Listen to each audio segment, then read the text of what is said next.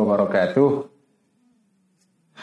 Bismillah, alhamdulillah, wassalatu wassalamu ala rasulillah wa ala alihi wa ashabihi wa man wala amma ba'd. Teman-teman semua, mari kita mulai kembali ya ngaji Ihya. Kita mulai dengan hadiah Al-Fatihah ila ruhi nabiyina wa syafi'ina Muhammadin sallallahu alaihi wasallam wa ila arwahil anbiya wal mursalin ila arwahil ahli wal ashabi ajma'in. وإلى أرواح الأولياء والشهداء والصالحين والأئمة المستهدين خصوصا روح سلطان الأولياء الشيخ عبد الجيلاني وإلى روح الإمام الجنيد البغدادي والشيخ الأكبر محدث بن عربي والشاب الحسن الشاذلي وإلى روح صاحب الإحياء حجة الإسلام أبي حامد الغزالي قدس الله سره ونور ضريحه وعدم بركاته ونفعنا بعلوم الأرواح علمائنا مؤسسي جمعية نهضة العلماء والجمعيات الأخرى ونخص خصوصا روح حضرة الشام هاشم أشعري كي وهاب كي بشري سمسوري كي خلل بangkalan Gustur كي معصوم كي علي معصوم كي عبد الله سلام كي سلام محمود إلى روحي أبي كي عبد الله رفاعي وأمي سلامة وروحي أمي فاطمة وإلى أرواح آبائنا وأمهاتنا وأجدادنا وجداتنا ومشايخنا ومشايخ مشايخنا وأصدقائنا غفر الله ذنوبهم وستر عيوبهم ويعلي درجاتهم شيء لله لهم الفاتحة. أعوذ بالله من الشيطان الرجيم. بسم الله الرحمن الرحيم. الحمد لله رب العالمين. الرحمن الرحيم. مالك يوم الدين. إياك نعبد وإياك نستعين. اهدنا الصراط المستقيم صراط الذين أنعمت عليهم غير المغضوب عليهم ولا الضالين آمين Bismillahirrahmanirrahim Kitab Ihya halaman 631 Wa qala alaihi salatu wassalam Dan berkata kanjeng Nabi alaihi salatu wassalam Jadi kalau disebut nama kanjeng Nabi kadang-kadang doanya itu sallallahu alaihi wasallam ada sallallahu alaihi wa alihi wasallam, ada yang hanya alaihi salam atau alaihi salatu wassalam di tradisi mendoakan kanjeng Nabi di dalam kitab-kitab ulama zaman dahulu itu beragam ya, tidak hanya satu jenis saja. Wa dan berkata kanjeng Nabi alaihi salatu wassalam, apa kata kanjeng Nabi? Sabda kanjeng Nabi, liyalini minkum Zawul ahlami wan nuha. Liyali dari kata kata kerja. Apa itu? Uh, wala yali ya. Artinya bersanding berdekatan itu. liyali. Liya ini linya adalah lamul amr lam yang menunjukkan perintah ya. Hendaklah berdekatan nih kepadaku mingkum di antara kalian semua. Zawul ahlami orang-orang yang uh, memiliki ini kata ahlam bisa merupakan jamak dari kata hulumun yang artinya akal, jadi daul ahlami artinya orang-orang yang memiliki akal, atau dari kata hilmun, jadi daul ahlami artinya orang-orang yang memiliki kesabaran. Wanuha dan orang-orang yang memiliki akal, Kumalladzina kemudian orang-orang yaluna yang yang mendekati, yang menyan, bersanding hum kepada daul ahlam. Kumalladzina kemudian orang-orang yaluna yang bersanding alladzina hum kepada kepada alladzina yalunahum ya. Wala. Jadi artinya nanti di hari kiamat ya orang-orang yang memiliki kesabaran dan akal. Karena orang yang memiliki kesabaran itu memang ya orang yang berakal. Orang yang terburu oleh nafsu itu biasanya akalnya ya nggak bisa berfungsi. Artinya akal dia itu tidak bisa mengontrol kemarahan dia. Jadi orang-orang yang sabar dan memiliki akal atau orang-orang yang memiliki akal dan karena itu sabar ya nanti di hari kiamat itu duduknya nanti itu bersanding eh, apa bersanding di, di samping kanjeng Nabi. Kemudian setelah mereka adalah orang-orang yang derajat akal dan kesabarannya di bawah mereka. Seterusnya begitu, jadi berjenjang ya. Jadi orang yang paling sabar itulah yang kanjeng Nabi merasa nyaman duduk di sampingnya. Karena kanjeng Nabi ya memang sosok yang sabar. Orang yang yang dalam bahasa Jawa berangasan gitu ya. Berangasan itu ya suka marah, emosional. itu pasti apa ya me, dari dirinya itu muncul vibe atau vibrasi getaran-getaran yang nggak enak itu. Jadi jenengan kalau duduk di samping orang-orang yang seperti itu rasanya nggak nyaman. Kaji Nabi pun juga nggak nyaman juga. Kaji Nabi itu nyaman dengan orang-orang yang memang vibe-nya positif. Yaitu apa? Sabar, akalnya itu dipakai. Artinya dia punya punya apalah punya kemampuan mengetahui batas itu ya. Oh ini ini ya ngono ya ngono ning aja ngono kalau bahasa Jawanya. Wala takhtalifu dan eh, jangan berbeda-beda kalian. Fatakhtalifa maka berbeda-beda hukum hati atau pikiran dan hati-hati kalian. Wa iyyakum dan waspadalah kalian wahai syatil aswaki eh, berserta ya wahai syatil aswaki ini wawunya wawu ma'iyah wahai syatil aswaki beserta eh, fitnahnya pasar-pasar jadi kalian itu hendaklah waspada terhadap kebiasaan orang-orang di pasar pada umumnya. Yaitu apa? Ya orang-orang di pasar itu kan kalau jenengan di pasar itu kan ya pasar tidak seluruhnya jelek lah ya. Pasar tradisional itu kan ya menarik juga. Tetapi ini kan dipakai sebagai tamsil atau perlambang oleh kanjeng Di pasar itu itu kan orang kan campur aduk ya. Antara orang yang punya akal dan tidak dewasa dan tidak orang yang sudah balik atau belum orang yang punya kemampuan akal yang lebih tinggi atau tidak itu kan semua campur baur. Pasar itu kan kayak jambel mambel apa ya gaduh-gaduh. Semua orang ada di sana. Jangan jadi seperti orang-orang seperti jangan uh, waspadalah terhadap keadaan seperti itu yang bisa menimbulkan kebingungan, disorientasi. Jenengan kalau berada di pasar dalam kerumunan yang anonim seperti itu, itu kan bingung. Nggak kenal kiri kanan, ya, campur aduk, ada orang besar, kecil, laki, perempuan, ya, dewasa dan tidak, berakal dan tidak, sabar dan tidak, campur aduk pokoknya. Nah, kamu itu harus waspada terhadap situasi seperti itu, yaitu situasi yang menimbulkan potensial, menimbulkan disorientasi. Wa iyyakum wahai syatil aswaq. Ini ungkapan yang bagus sekali ini. Wa iyyakum wahai syatil aswaq.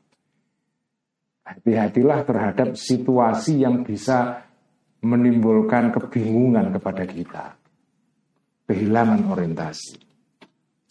Waruya dan dikisahkan anda sesungguhnya keadaan berikut ini Domir Syahan wafadat datang sowan ya ala Nabi kepada kanji Nabi Shallallahu Alaihi Wasallam al Ashadju ya al Ashadju uh, seorang sahabat yang dijuluki al Ashad ya al Ashadju kepada seorang yang dijuluki uh, sebagai al Ashad ya Kenapa dijuluki Al-Asad? Karena ini seorang seorang sahabat dari Yaman. Namanya bentar saya cek di syarah Ihya saya agak lupa itu ya. Uh, namanya adalah namanya adalah uh, Sebentar ya. Namanya adalah Abdul Qais. Ya, Abdul Qais. Sebentar, bukan. Namanya Al-Munzir Ibn Abid Ibn Al-Harb. Ya, ini nama sahabat muda dari Yaman ya yang dijuluki Al-Ashad. Al-Ashad itu secara harafiah maknanya orang yang ada ada tanda lukanya di kepala atau atau di jidatnya. Jadi mungkin karena pernah luka atau apa sehingga ada ada ada apa tanda tanda fisik ya di kepala berupa luka yang sudah mengering sehingga meninggalkan tanda tertentu di kepala ataupun di jidat. Karena itu disebut sebagai al-ashad. Nah ini ada seorang namanya Al-Mundir. Ya, jadi itu Al-Mundir ibn Abid ibn Al-Harith ya, Al-Ashad fa'anakha. Maka merendahkan atau me,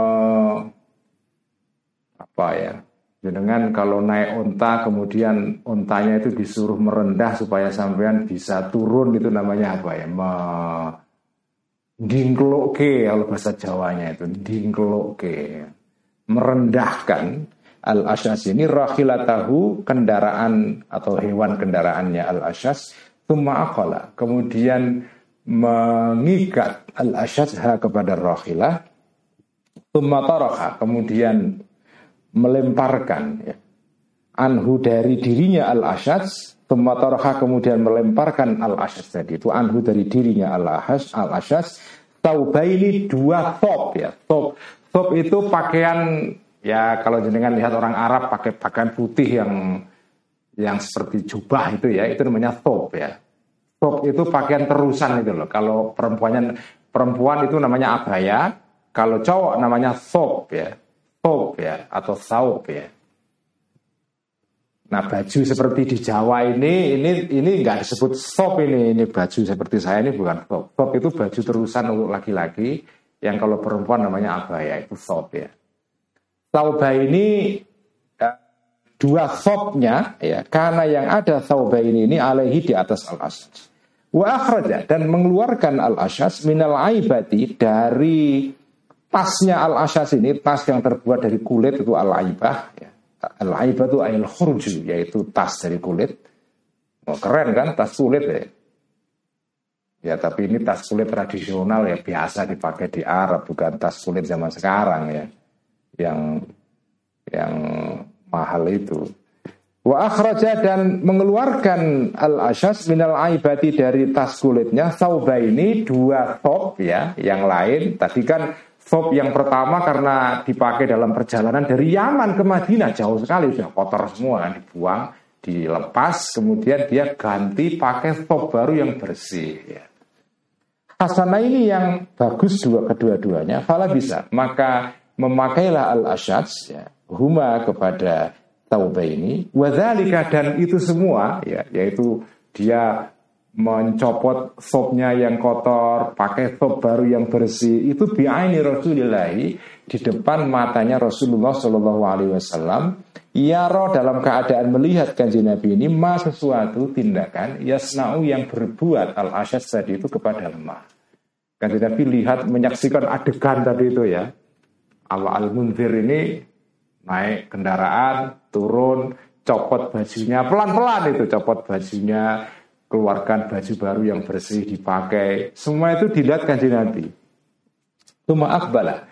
Kemudian datanglah al-asyad ini yamsi dalam keadaan jalan al-asyad ila Rasulullah kepada Rasulullah Shallallahu. Kemudian pelan-pelan menuju kepada kanjeng Nabi SAW. Kanjeng Nabi terkesan dengan anak muda ini kok ada ya anak muda kok keren begitu. Artinya tenang, orangnya pembawaannya tenang, ya ganti baju tenang saja, tidak buru-buru ya. Pokoknya maka berkata kanji Nabi lahu kepada al ashad tadi itu Sallallahu Alaihi Wasallam. Apa kata kanji Nabi? Ya Asyadu, wahai orang yang ada tanda luka di kepalanya. Ya Asyadu, namanya Al Mundir tadi itu dari Yaman jauh sekali dari Yaman itu di, di ujung selatan Jazirah Arab ini ke utara saya nggak tahu dari Yaman ke Madinah itu berapa berapa ratus meter ya ya mungkin ada seribu seribu kilo itu ya. Lebih mungkin ya. Dengan cek nanti di Google Map ya. Dari Yaman sampai ke Madinah. Wahai anak muda yang mengesankan ini, inna fika sesungguhnya pada dirimu lahulu ini ada dua akhlak baik. Yuhibbu yang yang menyukai huma kepada khuluqa ini Allahu Allah wa rasuluhu dan utusannya Allah. Kala bertanya al tadi itu, nopo kaji Nabi, wama huma? Dan apakah huma dua akhlak yang dicintai Allah dan Rasulnya tadi itu? Bi abi anta wa ummi. Demi bapakku anta engkau kanjeng Nabi wa ummi dan demi ibuku. Ini ungkapan biasa orang Arab kalau ngomong ya untuk menekankan isi omongannya itu diberikan tekanan berupa sumpah. Bi abi anta wa ummi. Itu ya tradisi zaman dulu sekarang sudah nggak dipakai lagi di Arab ya sudah berubah dulu kalau jenengan berbicara kepada orang lain untuk menunjukkan hormat sampean jadi kalau di Jawa itu ya kayak menggunakan unggah-ungguh bosok kromo gitu ya Wah itu begitu. Kajian Nabi apa itu kajian Nabi bi abi anta wa ummi ya Rasulullah wa Rasulullah sallallahu alaihi wasallam. Kalau berbicara dengan orang yang setara ya nggak pakai kata bi abi anta wa ummi ya. Ini kalau kepada orang yang lebih di atas menghormati dan menekankan isi pembicaraan jenengan dikasih ungkapan tadi itu bi abi anta wa ummi. Demi bapak dan ibuku wahai Rasul apa itu dua akhlak yang membuat Allah dan Rasulnya terkesan apa uh, terkesan. Kala ber, menjawab gaji Nabi, al khilmu wal anatu, al khilmu sabar wal anatu dan dan dan alon-alon, pelan-pelan. Kamu ini kok menarik sekali, datang ya, tertib gitu loh, turun dari kendaraan, kemudian diikat kendaraannya itu hewan kendaraannya, terus kamu ganti baju yang kotor dilepas, Terus ganti baju baru yang lebih bersih, yang indah. Terus kamu pelan-pelan datang menuju ke ruang tamuku. Ini saya suka itu. Suka kepada anak muda yang seperti ini, sabar dan pelan-pelan. Tidak gerusa-gerusu. Fakala maka uh, berkata atau bertanya lagi anak muda yang dijuluki Al-Asyas tadi. Khuluqani tuhuma au khuluqani tuhuma. Ini anak muda ini memang pinter ini ya. Hulukani. Aihuma hulukani ya. Tadi itu dua akhlak tadi itu hulukani apakah ya apakah keduanya itu adalah dua akhlak takhallak yang pura-pura atau atau memaksa diri saya berakhlak huma kepada hulukani atau hulukani atau dua akhlak jubil itu yang yang di tanamkan secara alamiah dua akhlak tadi itu huma terhadap hulukani. Kaji Nabi menurut penilaian jenengan tadi itu akhlak yang jenengan puji itu akhlak pada diri saya itu akhlak yang artifisial, superficial, dibuat-buat atau itu alamiah. Pokoknya maka menjawab kanji Nabi bal sebaliknya dua akhlak jabala yang me menciptakan atau me, apa ya me, jabala itu ya artinya sampean diciptakan dalam keadaan seperti itu. Jabala yang menciptakan kepada engkau Allah Allah alaihima terhadap dua akhlak.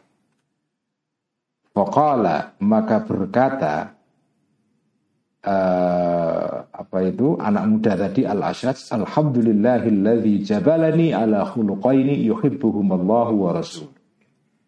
Alhamdu puji lillahi bagi Allah alladzi jabala yang menciptakan Allah ni kepadaku. Ala khuluqaini terhadap dua akhlak.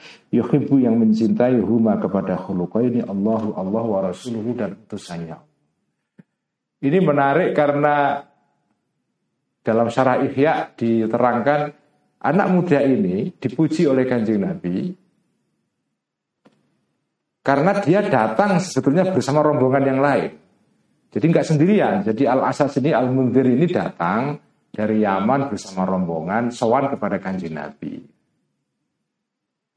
Nah kemudian rombongan yang lain ketika datang sampai di depan dalamnya kanjeng Nabi itu turun tidak apa ya nggak ganti baju nggak apa langsung terus rebutan kepingin mencium tangannya kanjeng Nabi datang mencium tangannya kanjeng Nabi mencucuk tangannya kanjeng Nabi.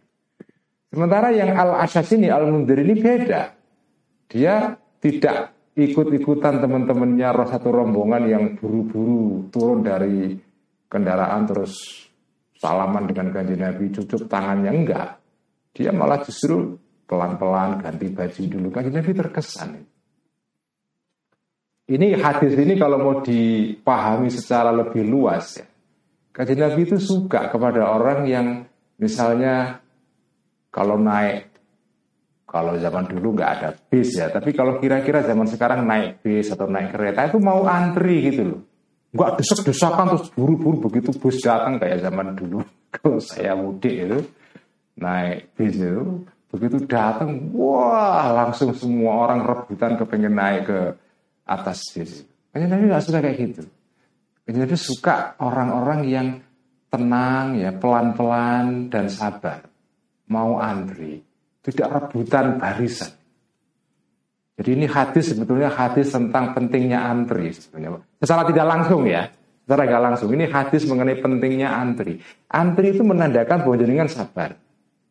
Ya, tadi kan dikatakan dalam hadis ini ada dua akhlak yang dicintai Allah dan Rasulnya. Sabar dan pelan-pelan. Gak usah berusaha-berusaha. Pasti dapat jatah kok. Wong sudah ada tempat duduknya, kenapa sih naik kereta sudah tiketnya itu sudah ada tempat duduknya, sudah ada nomornya. Ya kok masih kepengen rebutan masuk pintu itu ngapain juga gitu loh. Nah itu tidak disukai kajian Nabi. Kajian Nabi terkesan dengan tadi ini. Al-Munzir ya, yang pelan-pelan, sabar, tidak gerusa-gerusu kepengen mencium tangannya kanji Nabi seperti rombongan yang lain. Waqala dan bersabda Rasulullah Rasulullah sallallahu alaihi wasallam. Innallaha yuhibbul halimal hayyiya al-ghaniyal muta'affifa abal iyalit taqiyya.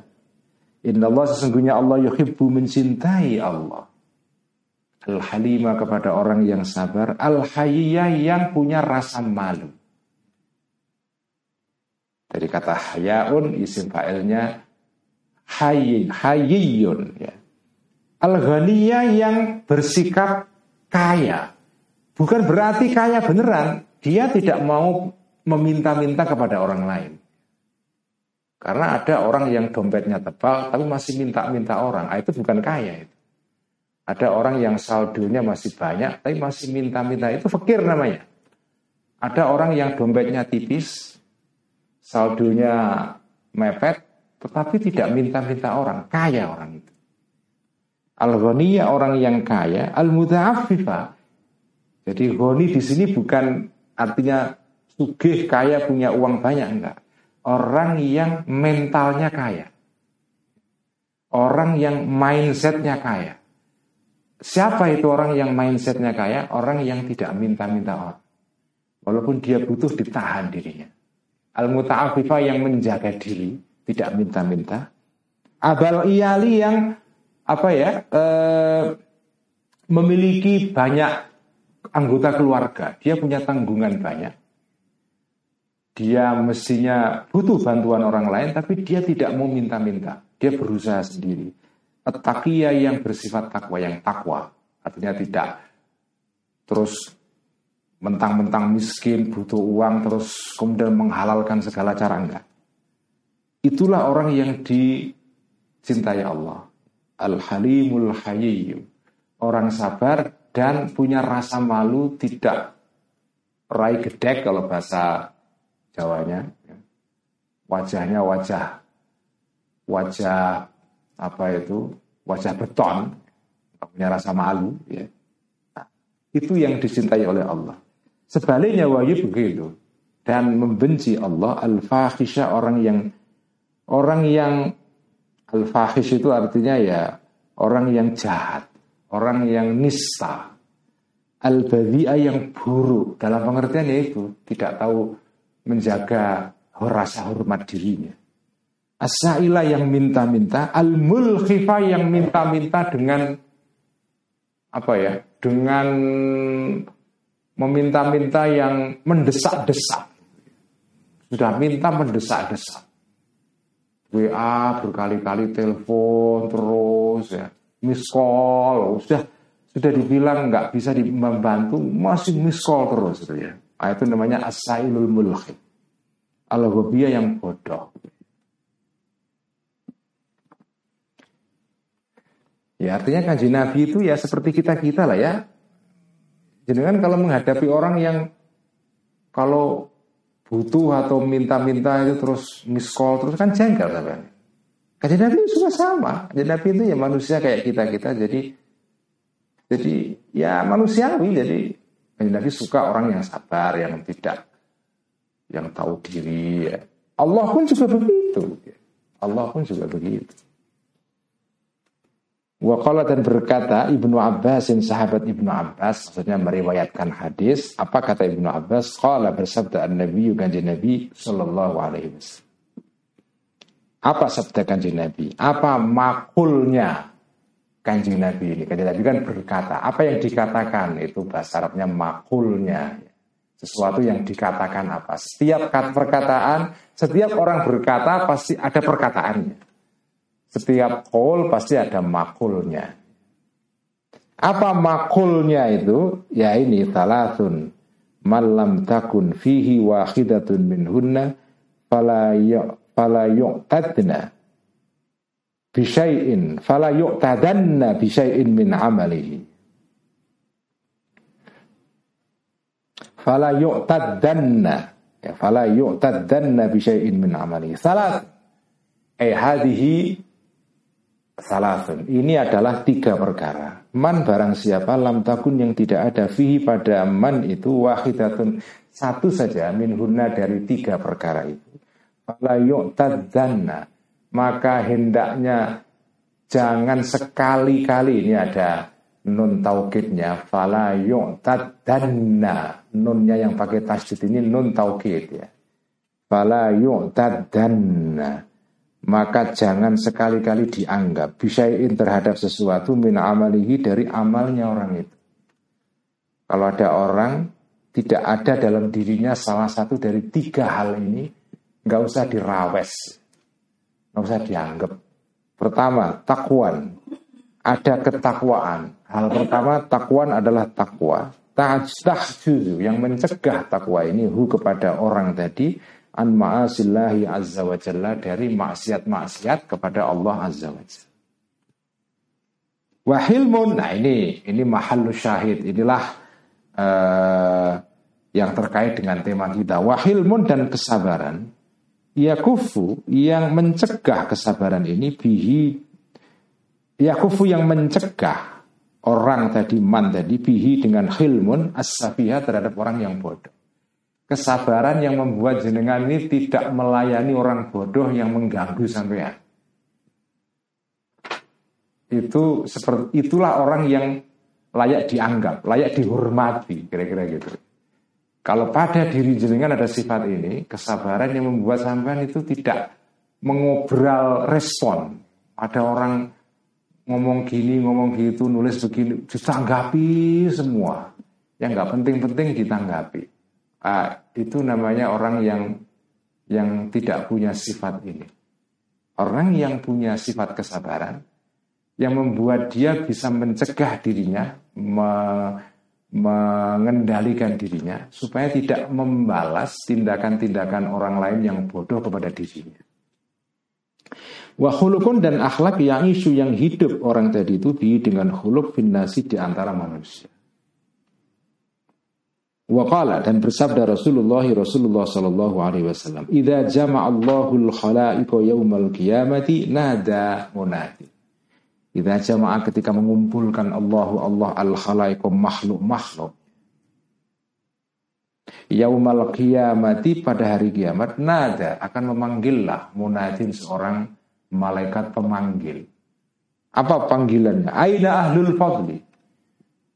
Di manakah ahlul fadli orang-orang yang memiliki kemuliaan. Fayakumu maka berdirilah nasun orang sekelompok orang. Wahum dan sementara atau dalam keadaan nas ini yasirun atau wahum dan manusia ini yasirun adalah sedikit jumlahnya. Orang-orang yang masuk dalam golongan ahlul fadli dipanggil. Yang datang cuma sedikit. Fayantolikuna maka berjalanlah, maka datanglah manusia-manusia yang ahlul fadli tadi itu siroan dalam keadaan cepat-cepat bergegas ilal jannati ke surga. Karena ini dipanggil masuk surga. Fatatalaqqa maka menyambutlah hum kepada nas tadi al malaikatu malaikat. Fayakuluna maka berkatalah para malaikat ini lahum kepada manusia-manusia tadi itu yang bergegas masuk surga. Apa kata malaikat? Inna narakum sira'an ilal jannat. Inna sesungguhnya kami para malaikat. Narakum melihat kami kum kepada kalian sira'an sebagai ya all keduanya kata nara. Sira'an sebagai orang-orang yang bergegas-gegas ilal jannati menuju surga. Kalian ini kok kepingin segera masuk surga? Siapa kalian ini? Fayakuluna maka menjawab para orang-orang tadi, nahnu ahlul fadli. Nahnu kami ini adalah ahlul fadli, orang-orang yang memiliki keutamaan. Kami ini adalah ahlul fadli. Itulah tag kami. Ya. Eblek kami itu, ya maksudnya apa? Kalau seminar itu kan ada ada tag gitu kan. Ada eblek istilahnya. Eblek kami itu adalah ahlul fadli. Fayakuluna, maka berkatalah para orang-orang tadi itu, eh, malaikat-malaikat tadi lahum kepada orang-orang tadi, maka fadlukum, ma apakah karena itu ada fadlukum eh, ke keutamaan kalian. Apa keutamaan kalian? Fayakuluna, maka menjawablah para orang-orang tadi itu. Keutamaan kami itu ini loh para malaikat. Kunna ada kami idza zulimna jika dianiaya kami, sabarna maka sabarlah. Wa idza usia dan ketika diperlakukan jelek buruk ya, ilaina kepada kami, ghafarna maka mengampuni Kami nggak membalas. Kami dibully ya nggak membalas Ya dijawab normal saja. Wa idza juhila dan ketika dijahati. Juhila di sini artinya bukan dibodohi tapi dijahati alaina kepada kita Opo alaina jadi ini naibul failnya juhila berupa apa itu eh, kalimat yang berupa jar majrur ya. Al halumna kalau kami dijahati halumna maka sabarkan. Inilah sifat orang-orang yang tadi itu masuk dalam kategori ahlul fadl. Fayuqalu maka dikatakan lahum bagi mereka ini Udhulul jannata fa ni'ma ajrul amilin.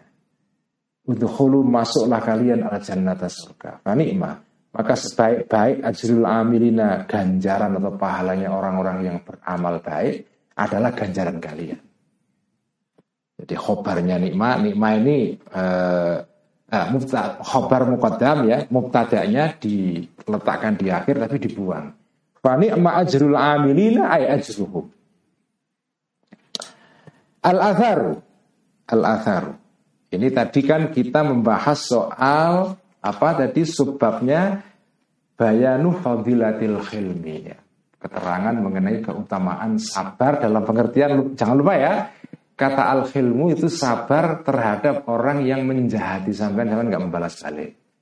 Kalau sabar dengan kena penyakit sabar, kena musibah sabar itu apa uh, kata untuk itu adalah asobr. Tapi kalau sabar tidak membalas kejelekan orang lain itu al-khilm. Allah itu sifatnya al-halim. Tetapi Allah juga as-sabur, maha sabar. Jadi bahasa Indonesia atau bahasa Jawa ini nggak punya kosakata yang yang seperti itu ya. Kalau bahasa Arab ada, sabar tidak membalas kejelekan orang lain itu halimun sabar karena kena penyakit musibah soburun atau sobirun. Ya ini salah satu keunggulan bahasa Arab itu seperti ini. Tapi ya setiap bahasa itu punya keunggulan sih. Bahasa Jawa juga punya keunggulan yang nggak ada pada bahasa Arab juga. Bahasa Indonesia juga punya keunggulan. Setiap bahasa ada keunggulan masing-masing. Meskipun memang bahasa Arab ini ya Ya mungkin karena saya pecinta bahasa Arab, memang bahasa ini memang keren sekali. Bagi saya salah satu bahasa yang keren di dunia ini indah dan sekaligus kompleks ya, rumit tapi juga indah. Itu bahasa Arab. Bahasa Arab. Al-Athar. Sekarang kita membahas soal dalil-dalil tentang keutamaan sabar berupa al-athar. Al-athar di sini artinya adalah uh, apa uh, ucapan atau tindakan para sahabat dan tabi'in ya, atau tabi'un tabi'in atau para ulama pada zaman awal ulama salaf itu al-athar. Ayhadi al-athar ini adalah al-athar kisah-kisah ya. Kalau al-athar itu secara harafiah maknanya jejak atau bekas-bekas, ya. jejak langkah. Ya. Ayhadihi al-atharu fi fadilati al-khilmi. Qala berkata Umaru Sayyidina Umar khalifah kedua radhiyallahu anhu ta'allamul ilma wa ta'allamu lil ilmi sakinata wal khilma. Ini kata Sayyidina Umar. Ta'allamu Belajarlah kalian al ilma ilmu. Tetapi nggak cukup belajar dok. Jadi ilmu itu satu hal, tapi sikap orang berilmu atau sikap berilmu itu juga penting. Apa itu wa ta'alam? Dan belajarlah kalian lil ilmi karena kamu punya ilmu. Maksudnya lil ilmi di sini. As-sakinata belajar ketenangan, kedewasaan, maturity, jadi kedewasaan, wal khilma dan kesabaran. Karena ada orang yang punya ilmu tapi nggak punya dua sikap ini. Itu menjanggali, nggak menarik itu. Orang pinter tapi emosional, ya, berusaha berusu, sombong itu nyebelin. Ya. Itu nyebelin itu. Makanya pesan saya tidak Umar ini menarik. Belajar ilmu tapi juga belajar sikap yang baik. Jadi harus dua-duanya. Ya. Jadi jenengan kalau punya ilmu kalau bisa ya itu ya tidak hanya ilmu tok tapi juga sikap yang baik sehingga ilmu jenengan itu kelihatan indah. Nah jenengan kalau jadi guru, kiai atau dosen itu juga mengajarkan kepada para mahasiswa santri jenengan dua hal ini. Tidak sekedar hanya mengajarkan ilmu, tapi juga sikap berilmu. Sikap berilmu. Karena godaan orang berilmu di mana-mana itu sama, yaitu takabur, arogan, dan pamer ilmunya. Pamer ilmunya, ya. itu sudahlah semua orang pasti begitu. Saya juga sering terkena penyakit ini ya. Jadi pamer pengetahuan, sombong dengan pengetahuannya. Nah ini nggak boleh ya. Wa dan berkata Aliun Sayyidina Ali radhiyallahu anhu Laisal Sayyidina Ali ini kadang-kadang doanya atau didoakan dengan ungkapan radhiyallahu anhu sebagaimana sahabat-sahabat yang lain, tapi juga kadang didoakan dengan uh, ungkapan yang berbeda. Untuk Sayyidina Ali khusus itu biasanya doanya selain radhiyallahu anhu adalah karramallahu wajah. Ya ini tradisi aja ya. Dengan mungkin yang tidak kenal tradisi kitab kuning ini ini mungkin sesuatu yang harus difahami. Jadi kalau kita orang Islam itu menyebut nama sahabat itu setelahnya dibubuhi doa radhiyallahu anhu atau disingkat dengan R titik A titik radhiyallahu anhu. Tapi kalau Sayyidina Ali karramallahu wajah K titik W titik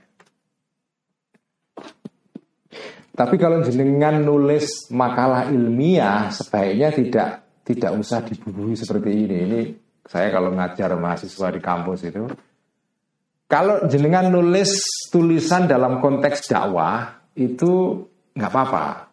Jadi berkata Sayyidina Umar radhiyallahu anhu. Tapi kalau jenengan nulis makalah di jurnal ya jangan. Tetapi jenengan bisa mengucapkan radhiyallahu anhu di dalam hati. Jadi ketika dia ngetik Sayyidina Umar radhiyallahu dalam hati, tapi nggak usah ditulis. Kenapa demikian? Ya, ya kebiasaan akademis saja. Tapi kalau jenengan nulis dalam konteks dakwah misalnya, itu nggak apa-apa. Atau nulis dalam konteks buku untuk kebutuhan non akademis ya, untuk umum nggak apa-apa. Tapi kalau untuk akademis sebaiknya sih nggak usah pakai itu. Tapi sebaiknya jenengan mengucapkannya dalam hati. Begitu juga kalau jenengan misalnya apa ya nulis makalah ya Allah berfirman itu ya nggak usah Allah Subhanahu wa taala kalau dalam konteks akademis ya. Tetapi Subhanahu wa taala kita ucapkan dalam hati. Ya itu tawaduk kita lah ya.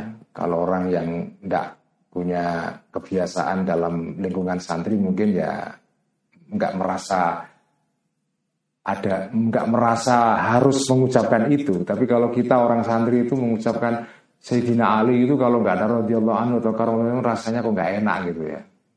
Nggak enak. Waqala dan berkata Aliun Sayyidina Ali radhiyallahu anhu. Apa kata Sayyidina? Apa makulnya?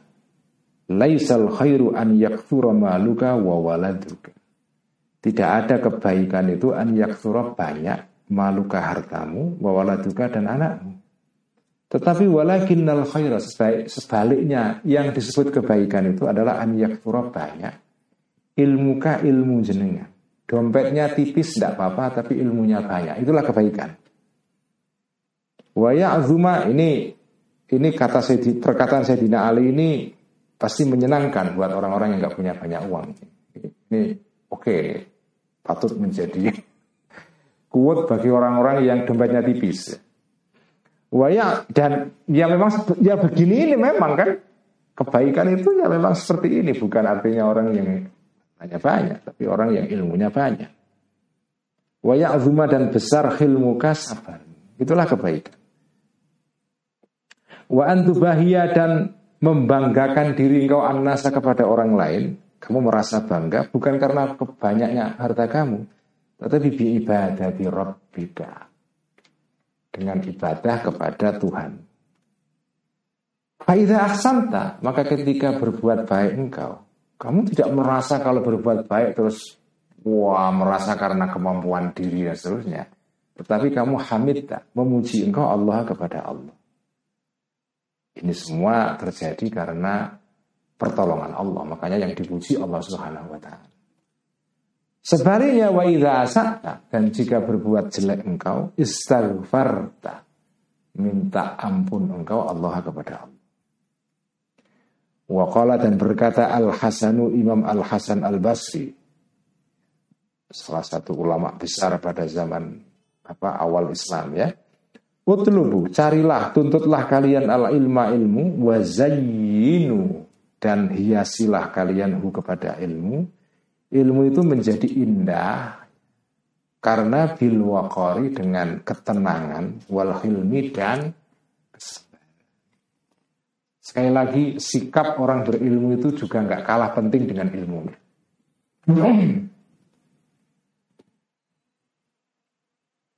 Wakala dan berkata Aksamu ibnu Saifi Aksam ibn Saifi ini wakilah seorang sahabat, tetapi menurut kaul yang lebih sohi ini bukan sahabat. Ini seorang hakimun masyhurun, seorang apa ya semacam filosof orang Arab lah, ahli hikmah. Bukan hikmah itu perdukunan, enggak. Hikmah di sini orang yang orang bijak gitu ya. Orang bijak artinya ya semacam filosof dalam tradisi Yunani. Hakimun masyhurun indal Arab namanya Aktham ibn Saifi. Makanya ucapannya ini juga ucapan yang penuh hikmah. Apa kata Aktham ibn Saifi? Da'amatul aqli al-khilm. Wajima'ul amri as-sabr. Da'amatul amri. Soko atau pilar cagaknya. Da'amatul akli cagaknya atau pilar pilarnya akal, al-khilmu adalah kesabaran. Tanpa kesabaran akal itu ambiar. Ambiar.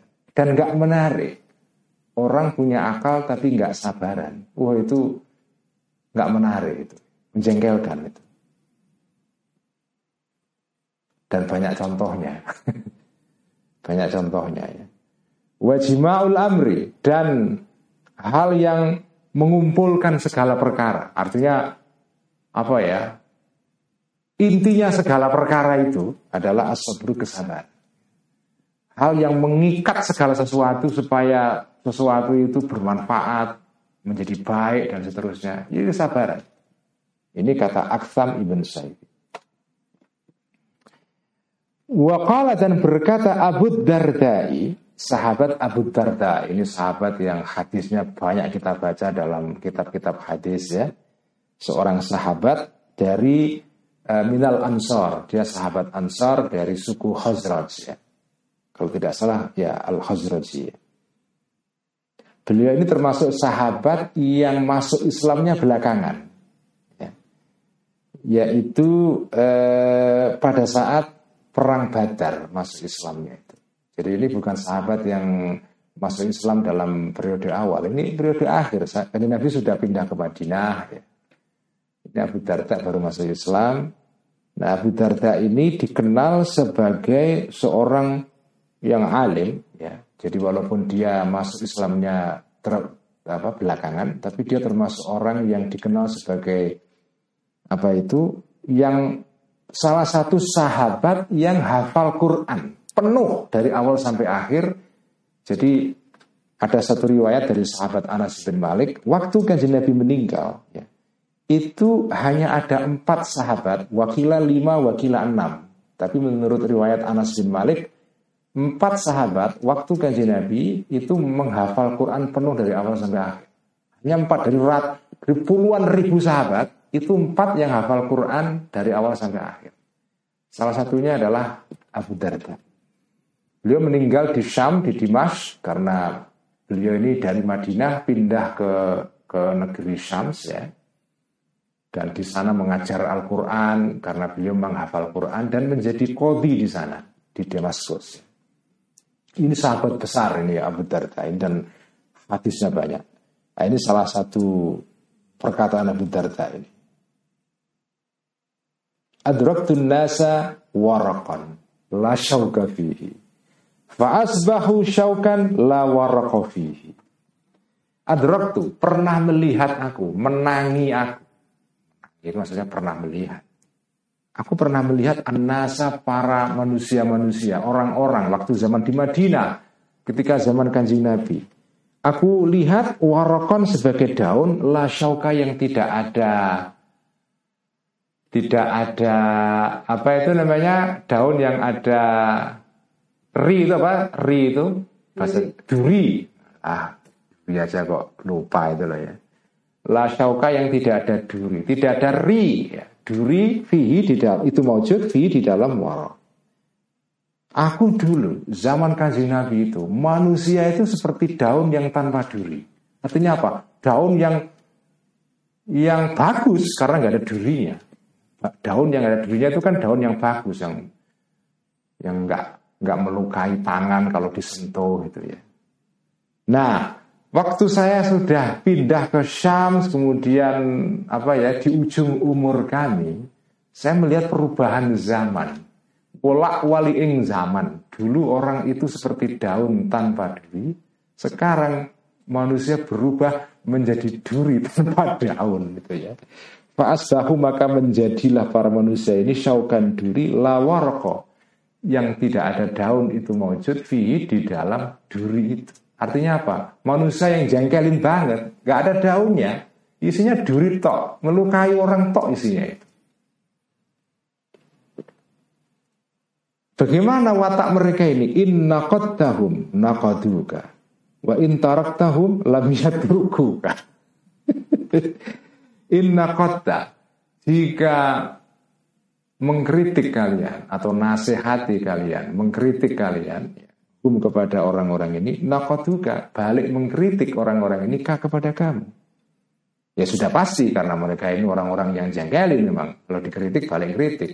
Di apa di kandani, dituturi, balik nuturi ya. Bales itu loh.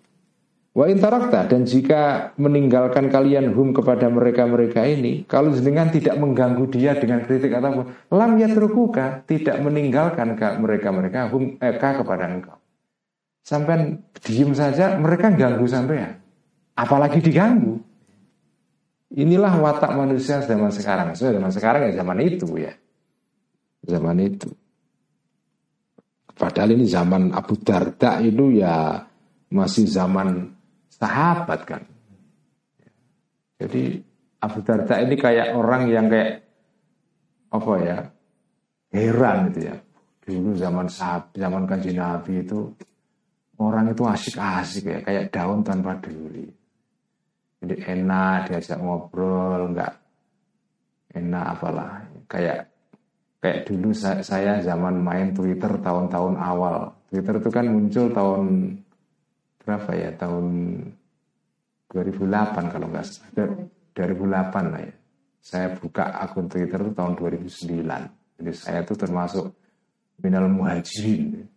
Generasi pertama dalam Twitter itu. Ah, dulu Twitter itu asik ya. Wah ada sekarang kayak bully-bulian, troll-trollan, Nggak ada zaman itu. Geng-gengan, dokse, nggak ada. Dulu asik itu.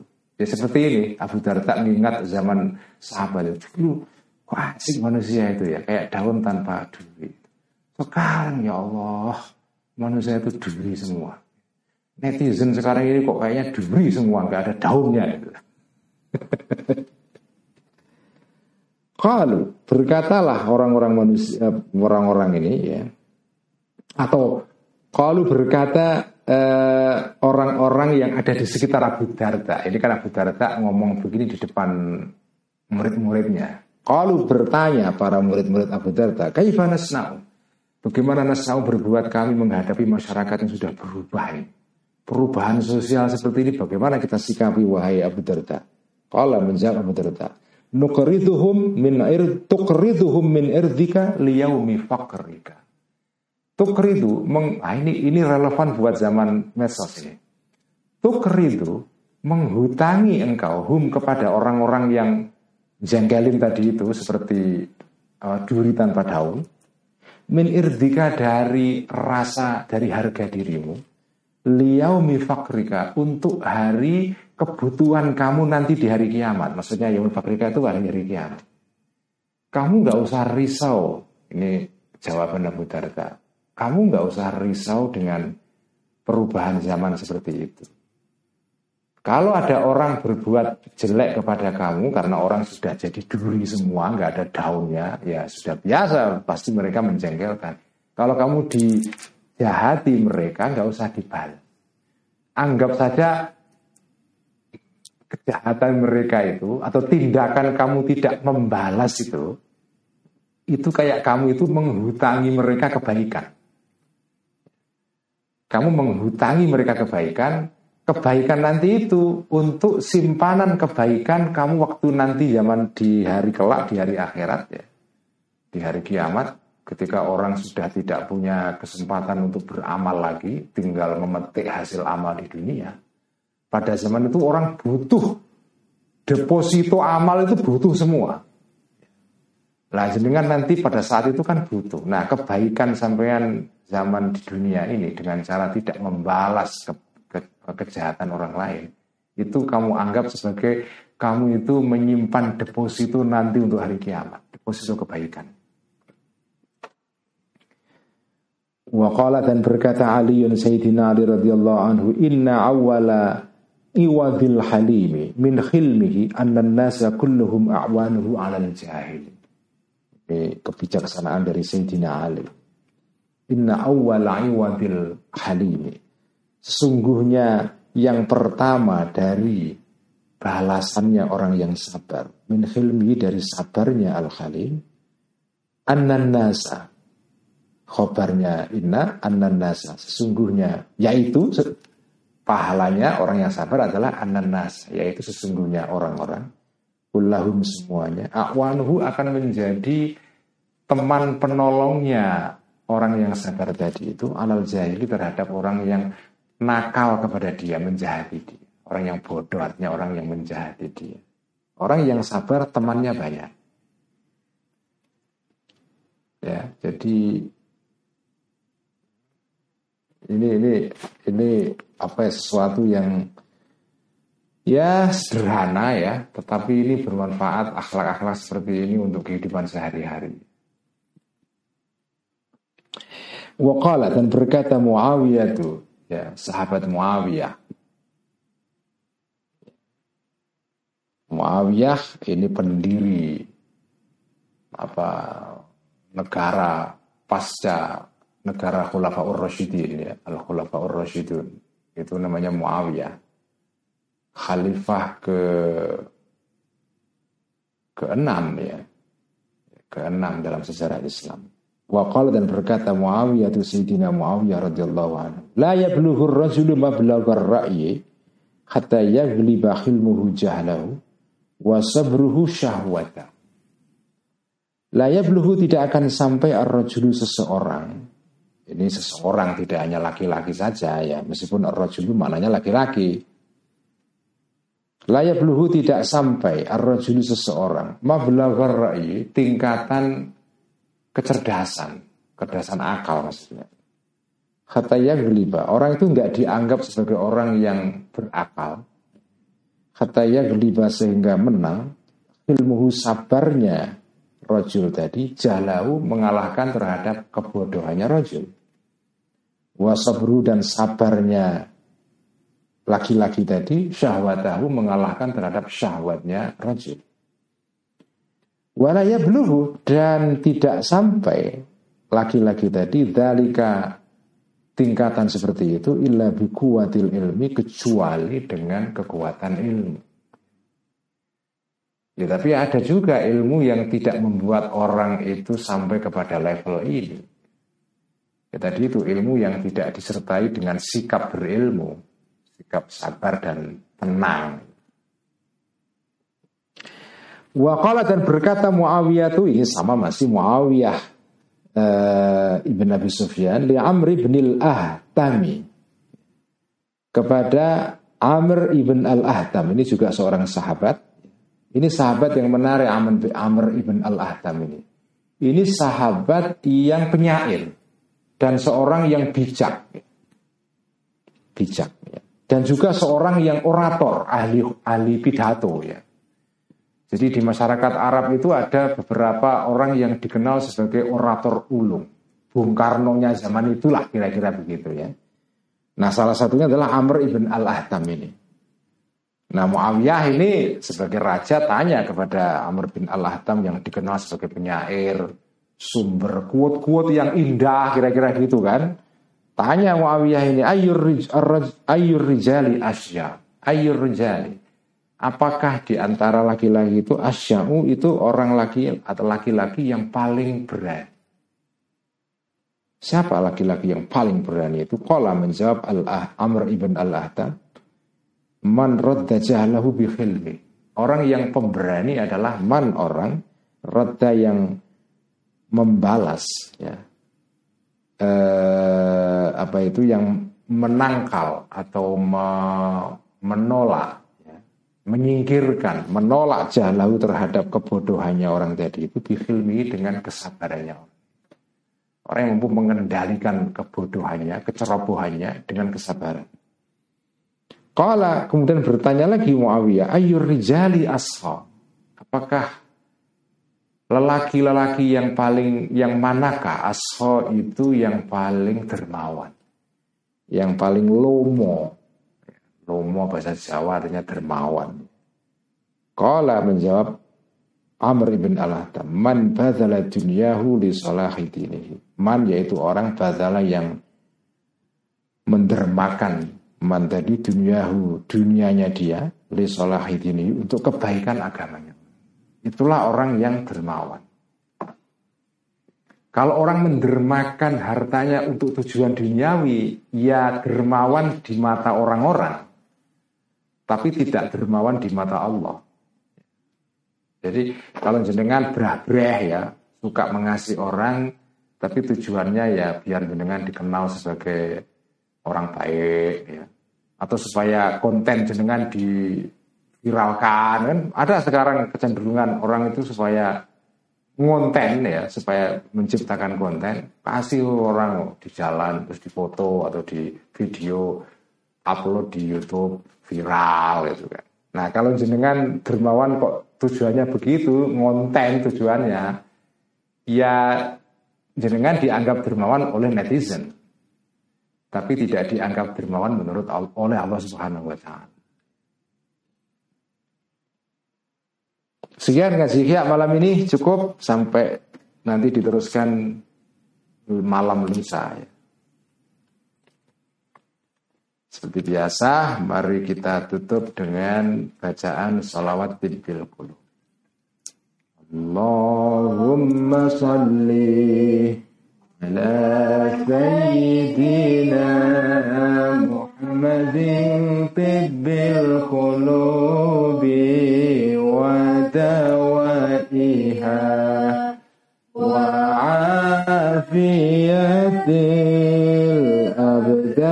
الأبدان وشفائها ونور الأبصار وضيائها